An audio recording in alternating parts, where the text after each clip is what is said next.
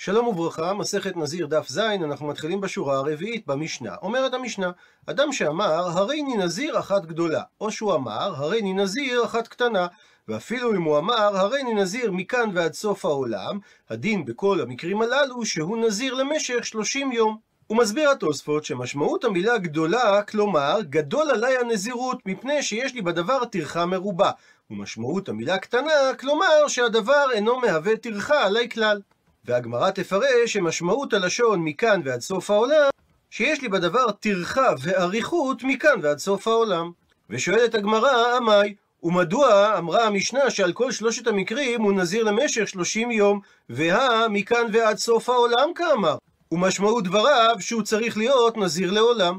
דהיינו, לכל ימי חייו. מתרצת הגמרא, הכי כאמר, כך צריך להסביר את משמעות הביטוי מכאן ועד סוף העולם. שאריכה לי, הדמילתא כמכאן ועד סוף העולם. שקבלת הנזירות קשה עליי, כמו שקשה עליי הדרך מכאן ועד סוף העולם.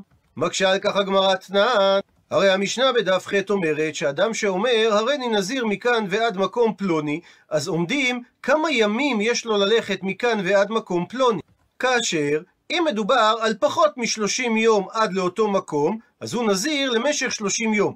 מפני שאין נזירות פחותה מ-30. ואם לאו, שכמות הימים יותר מ-30 יום, אז הרי הוא נזיר כמניין הימים. ושואלת הגמרא, ואימה החנמי? ותאמר, גם כאן, בפירוש המשנה הזאת, אריכה לי המילתא כמכאן ועד מקום פלוני. שהנזירות קשה עליו, כמו הדרך עד מקום פלוני. והוא לא יהיה חייב אלא נזירות של 30 יום, אפילו אם המרחק לאותו מקום הוא כמות ימים גדולה מ-30 יום. עונה על כך אמר רבא שהמשנה מדברת שהחזיק בדרך. דהיינו, שתוך כדי הליכה הוא קיבל עליו את הנזירות, ויש לנו אומדן בדעתו, שמפני אונסי הדרך הוא קיבל עליו את הנזירות, כדי שזה יעזור לו להינצל מסכנות הדרך. ולכן מסתבר לומר שהוא התכוון לקבל על עצמו נזירות לפי סך מהלך הימים עד אותו מקום פלוני. מקשה על כך הגמרא, וליהווה כל פרסה ופרסה. מדוע שלא נפרש את אותה משנה שהוא הולך בדרך, שהוא מתכוון שמכאן ועד מקום פלוני כל מניין הפרסאות הוא קיבל עליו נזירות. כך שלדוגמה, אם עד אותו מקום יש 100 פרסאות, הוא קיבל על עצמו 100 נזירות. וכל נזירות היא של 30 יום, ובסופה הוא מגלח את שערו ומביא שלוש בהמות. עונה על כך, אמר רב פאפא שהמשנה מדברת באתרא דלא מאני פרסי. במקום שלא היו רגילים למנות את המרחק לפי הפרסאות. ממשיכה הגמרא ומקשה, וליהווה כל אבנה ואבנה. גם אם מדובר על מקום שלא רגילים למנות לפי פרסאות, הרי רגילים למנות לפי תחנות הלילה שהוא עובר בדרך. זה המשמעות של המילה אבנה. אז אם יש 20 אבנות, הוא יהיה חייב 20 נזירות, שכל אחת מהן היא 30 ימים. מי לא תנן? האם לא שנינו בהמשך המשנה, שאדם שאמר הרי אני נזיר כעפר הארץ וכשיער ראשי וככל הים, שאם הוא אמר אחת מהלשונות הללו, הדין שהרי זה נזיר עולם, ומגלח אחד לשלושים יום. וכשם שאמרה המשנה שאם הוא אמר כעפר הארץ או כשיער ראשי או ככל הים, אז הכוונה לנזירויות נפרדות במספר מבחינתנו אין סופי ולכן הוא נזיר עולם, נאמר אותו דבר גם לעניין מי שאמר מכאן ועד מקום פלוני, שכל תחנה בדרך נחשבת לקבלת נזירות בפני עצמה. מתרצת הגמרא, כל מילתא דאית בי קיצותא לא קטני. המשנה לא התייחסה לדברים שיש להם קצבה, כגון אם האדם אמר מכאן עד מקום פלוני, שבמקרים כאלה הדין שהוא קיבל עליו נזירות ארוכה עד כמות הזמן של מקום פלוני. והתניא, ומביאה הגמרא, סייעת על הדבר מדברי התוספתא. שאדם שאמר, הרי אני נזיר כל ימי חיי, או הרי אני נזיר עולם, אז הדין שהרי זה נזיר עולם. אבל אם הוא אמר, הרי אני נזיר אפילו לתקופה של מאה שנה, ואפילו לתקופה של אלף שנים, במקרה כזה הדין שאין זה נזיר עולם, אלא נזיר לעולם. הוא מסביר התוספות בעמוד הבא, שאם הוא אמר שהוא נזיר כל ימי חייו, או נזיר לעולם, אז זה דבר שאין לו קצבה, שהרי הוא אינו יודע את כמות ימי חייו, אז הוא נזיר עולם כאבשלום, הוא מקל את שערו פעם בשנה, ואז הוא מביא ג' בהמות. ואם הוא אמר שהוא נזיר למשך מאה שנה, או אפילו לאלף שנה, אז למרות שברור שהוא לא יחיה תקופה כל כך ארוכה, בכל זאת הוא חלוק בדינו, והוא לא נחשב נזיר עולם כאבשלום, והוא יוכל לעכל את שערו פעם בשנה, אלא הוא נחשב נזיר עולם, שיש עליו נזירות ארוכה עד יום מותו. אבל אם כך שואל תוספות, אז לכאורה גם במשנה שלנו, שאדם אמר שהוא מקבל עליו נזירות מכאן ועד סוף העולם, צריך היה הדין שהוא יהיה נזיר ארוך עד יום מותו, כמו אדם שאמר שהוא מקבל עליו נזירות למשך אלף שנים. עונה על כך תוספות, שיש הבדל היכן שהוא אמר הריני נזיר אלף שנים, והוא לא אמר מכאן ועד אלף שנים, שמשמע בלשונו שהוא רצה לקבל עליו נזירות ארוכה. מה שאין כן במשנה שהוא נקט לשון מכאן ועד סוף העולם, שאז משמעות דבריו שהוא מתכוון לאריכות הדבר. כי אם הוא היה רוצה לקבל עליו נזירות ארוכה, אז הוא היה אומר, הריני נזיר עד סוף העולם. ולפי זה מסכם התוספות שיש לנו כאן שלושה ענייני נזיר. יש אדם שאמר שהוא מקבל על עצמו נזירות כשיער, או כעפר, או כחול, שהדין שהוא נזיר לעולם. זאת אומרת שיש לו נזירות 30 יום אחר נזירות 30 יום, והוא מגלח את כל שערו. בין נזירות לנזירות הוא מביא קורבנותיו. סוג שני, אדם שאמר כל ימי חייו, שהדין שהוא נזיר לעולם כאבשלום, כך שהוא לא יכול לגלח את שערו, אלא פעם בשנה להקל אותו בתער. ואז הוא מביא ג' בהמות. הסוג השלישי, אדם שאמר שהוא נזיר לתקופה מאוד ארוכה, כמו מאה שנה או אלף שנה, אז זה נחשב שהוא קיבל על עצמו נזירות ארוכה עד יום מותו, והוא לא יכול לא לגלח את שערו ולא להקל את שערו, וממילא הוא גם לא יביא קורבן כל ימיו. עד לכאן התשובה הראשונה, מה ההבדל בין אדם שאמר הריני נזיר כשיער ראשי, לבין אדם שאמר הריני נזיר כמכאן ועד מקום פלוני. תשובה שנייה, רבא אמר, שאני שערות, הואילו מובדלות זו מזו. שיש הבדל מהותי בין שערות וחול שמורכבות מהרבה מאוד יחידות, ולכן ניתן לומר שאותו אדם קיבל עליו נזירות הרבה. מה שאין כן, זמן ושטח, שבאופן מהותי הם מחוברים זה לזה, ולכן יש לומר שאותו אדם קיבל עליו נזירות אחת ארוכה, כשיעור הימים שמכאן עד מקום פלוני. מקשה על כך הגמרא, אבל גבי יומי נמי הכתיב. גם לגבי ימים הרי כתוב בתורה הבדלה, ויהי ערב ויהי בוקר יום אחד. אז מדוע שלא נאמר שהוא קיבל על עצמו נזירות כמניין הימים? מבארת הגמרא, הטעם לאו דמיפסקי מהדדיו. מה שהפסוק אמר יום אחד, הוא לא התייחס לכך שהימים מופסקים ומובדלים זה מזה. אלא מייקה אמר שיממה ולילה אחד יום ההוא, ולעולם לא מפסקי מהדדי. שהלילה והיום נחשבים כיחידה אחת לעניין שהלילה הולכת אחר היום. לדוגמה, יום השבת מתחיל מהערב, אבל הימים לא מופסקים זה מזה.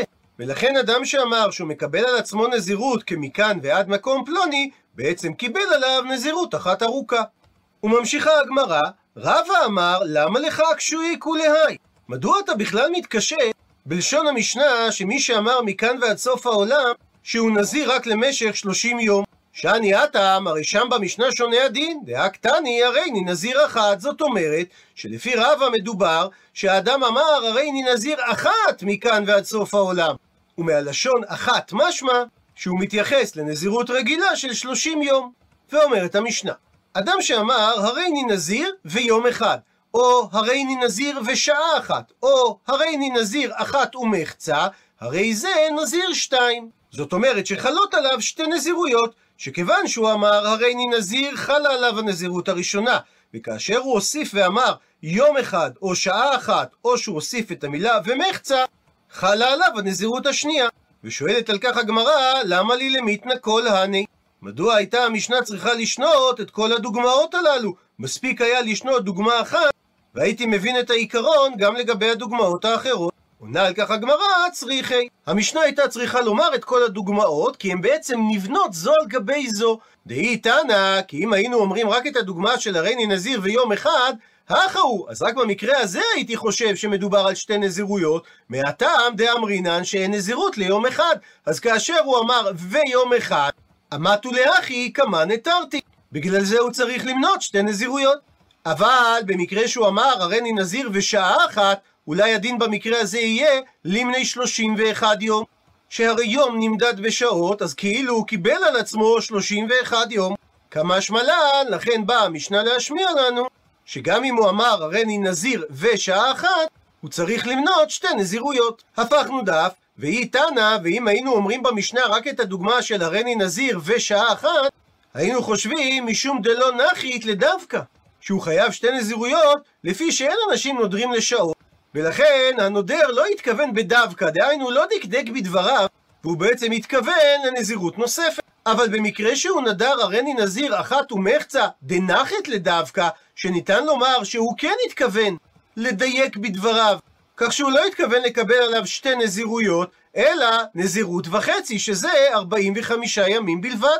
אז אולי במקרה כזה אימה נאמר לא לימני תרתי, שהוא לא יצטרך למנות שתי נזירויות אלא 45 ימים בלבד, לכן כמה השמלן באה המשנה ומשמיעה לנו כולהו נזיר שתיים. שבכל המקרים שאמרה המשנה מדובר שהוא קיבל על עצמו שתי נזירויות, שכאשר הוא אמר בהתחלה הריני נזיר, חלה עליו הנזירות הראשונה.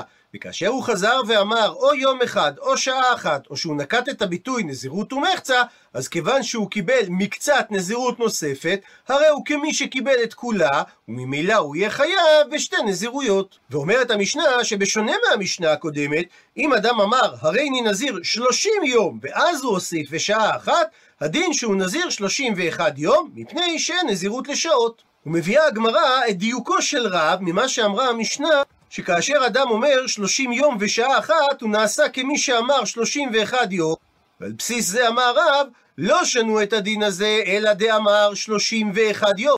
אבל אם הוא אמר באופן שונה, הרי אני נזיר 30 יום ויום אחד, במקרה כזה הוא יהיה נזיר 2. כיוון שהוא אמר לישנה יתרה, שהוא הוסיף את המילה יום. מפני שרב סבר לה כרבי עקיבא, דדריש לישנה יתרה. שרבי עקיבא דורש שכל מילה מיותרת שאומר האדם, יש בזה תוספת על מה שהוא אמר לפני כן. דתנן, שכך שנינו במשנה במסכת בבא בתרא. אדם המוכר בית לחברו, והיה לו בשטח המכירה בור ודות, כאשר בור זה חפירה בקרקע קשה, ודות זה חפירה בקרקע רכה. ולכן בדות צריך להוסיף תמיכות. הדין שהוא לא מכר לו את הבור ולא את הדות, וזה אף על פי שהוא כתב לו בחוזה אום קברומה.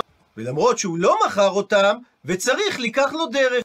דהיינו, שהמוכר צריך לקנות מהקונה את הדרך כדי ללך לבור ולדוד שלו, או לחילופין, שיפרח באוויר כדי להגיע אליהם. זה דברי רבי עקיבא. וחכמים אומרים שבמקרה כזה אין צריך לקח לו דרך. מפני שחכמים אומרים שכשם שהוא שיער את הבור ואת הדות מהמכירה לעצמו, כך אומרים שהוא גם שיער לו את הדרך אליהם. ומודה רבי עקיבא לחכמים, בזמן שאמר לו המוכר לקונה, חוץ מאלו, שזה לשון יתרה, שהרי אפילו אם הוא לא היה אומר לו חוץ מאלו, הבור והדות לא היו מכורים. אז במקרה כזה מודה רבי עקיבא לחכמים שאינו צריך לקח לו דרך. עד לכאן דף ז. למעוניינים בהרחבה, אמרה המשנה שאדם שאמר הריני נזיר כעפר הארץ וכשיער ראשי וככל הים, הרי זה נזיר עולם. מה שאומר שיש השוואה בין מספר אינסופי כמו עפר הארץ וכל הים, לבין מספר שערות הראש. להלן מספר עובדות על שיער. 25% משערות הגוף נמצאות על הקרקפת. על הקרקפת יש בין 90 אלף ל-140 אלף שערות, והדבר תלוי בצבע השיער. שיער אדמוני, 90 אלף שערות. שיער שחור, 110 אלף שערות. שיער בלונדיני, 140 אלף שערות. השערה גדלה במהירות ממוצעת של 0.3 מילימטר ליום, מה שאומר 2.1 מילימטר לשבוע, דהיינו 12 סנטימטר לשנה. אם נחבר את כל השערות כולם, זה אומר שכל השערות מתארכות בכ-30 מטר ליום. קצב צמיחת השיער עולה במזג אוויר חם, עם הגיל קצב צמיחת השיער יורד, שיער הנשים גדל לאט יותר משיער הגברים, שיער הגברים פחות צפוף משיער הנשים בממוצע, קוטר השערה 0.1 מילימטר, וכל יום אנו מאבדים בין 80 ל-100 שערות.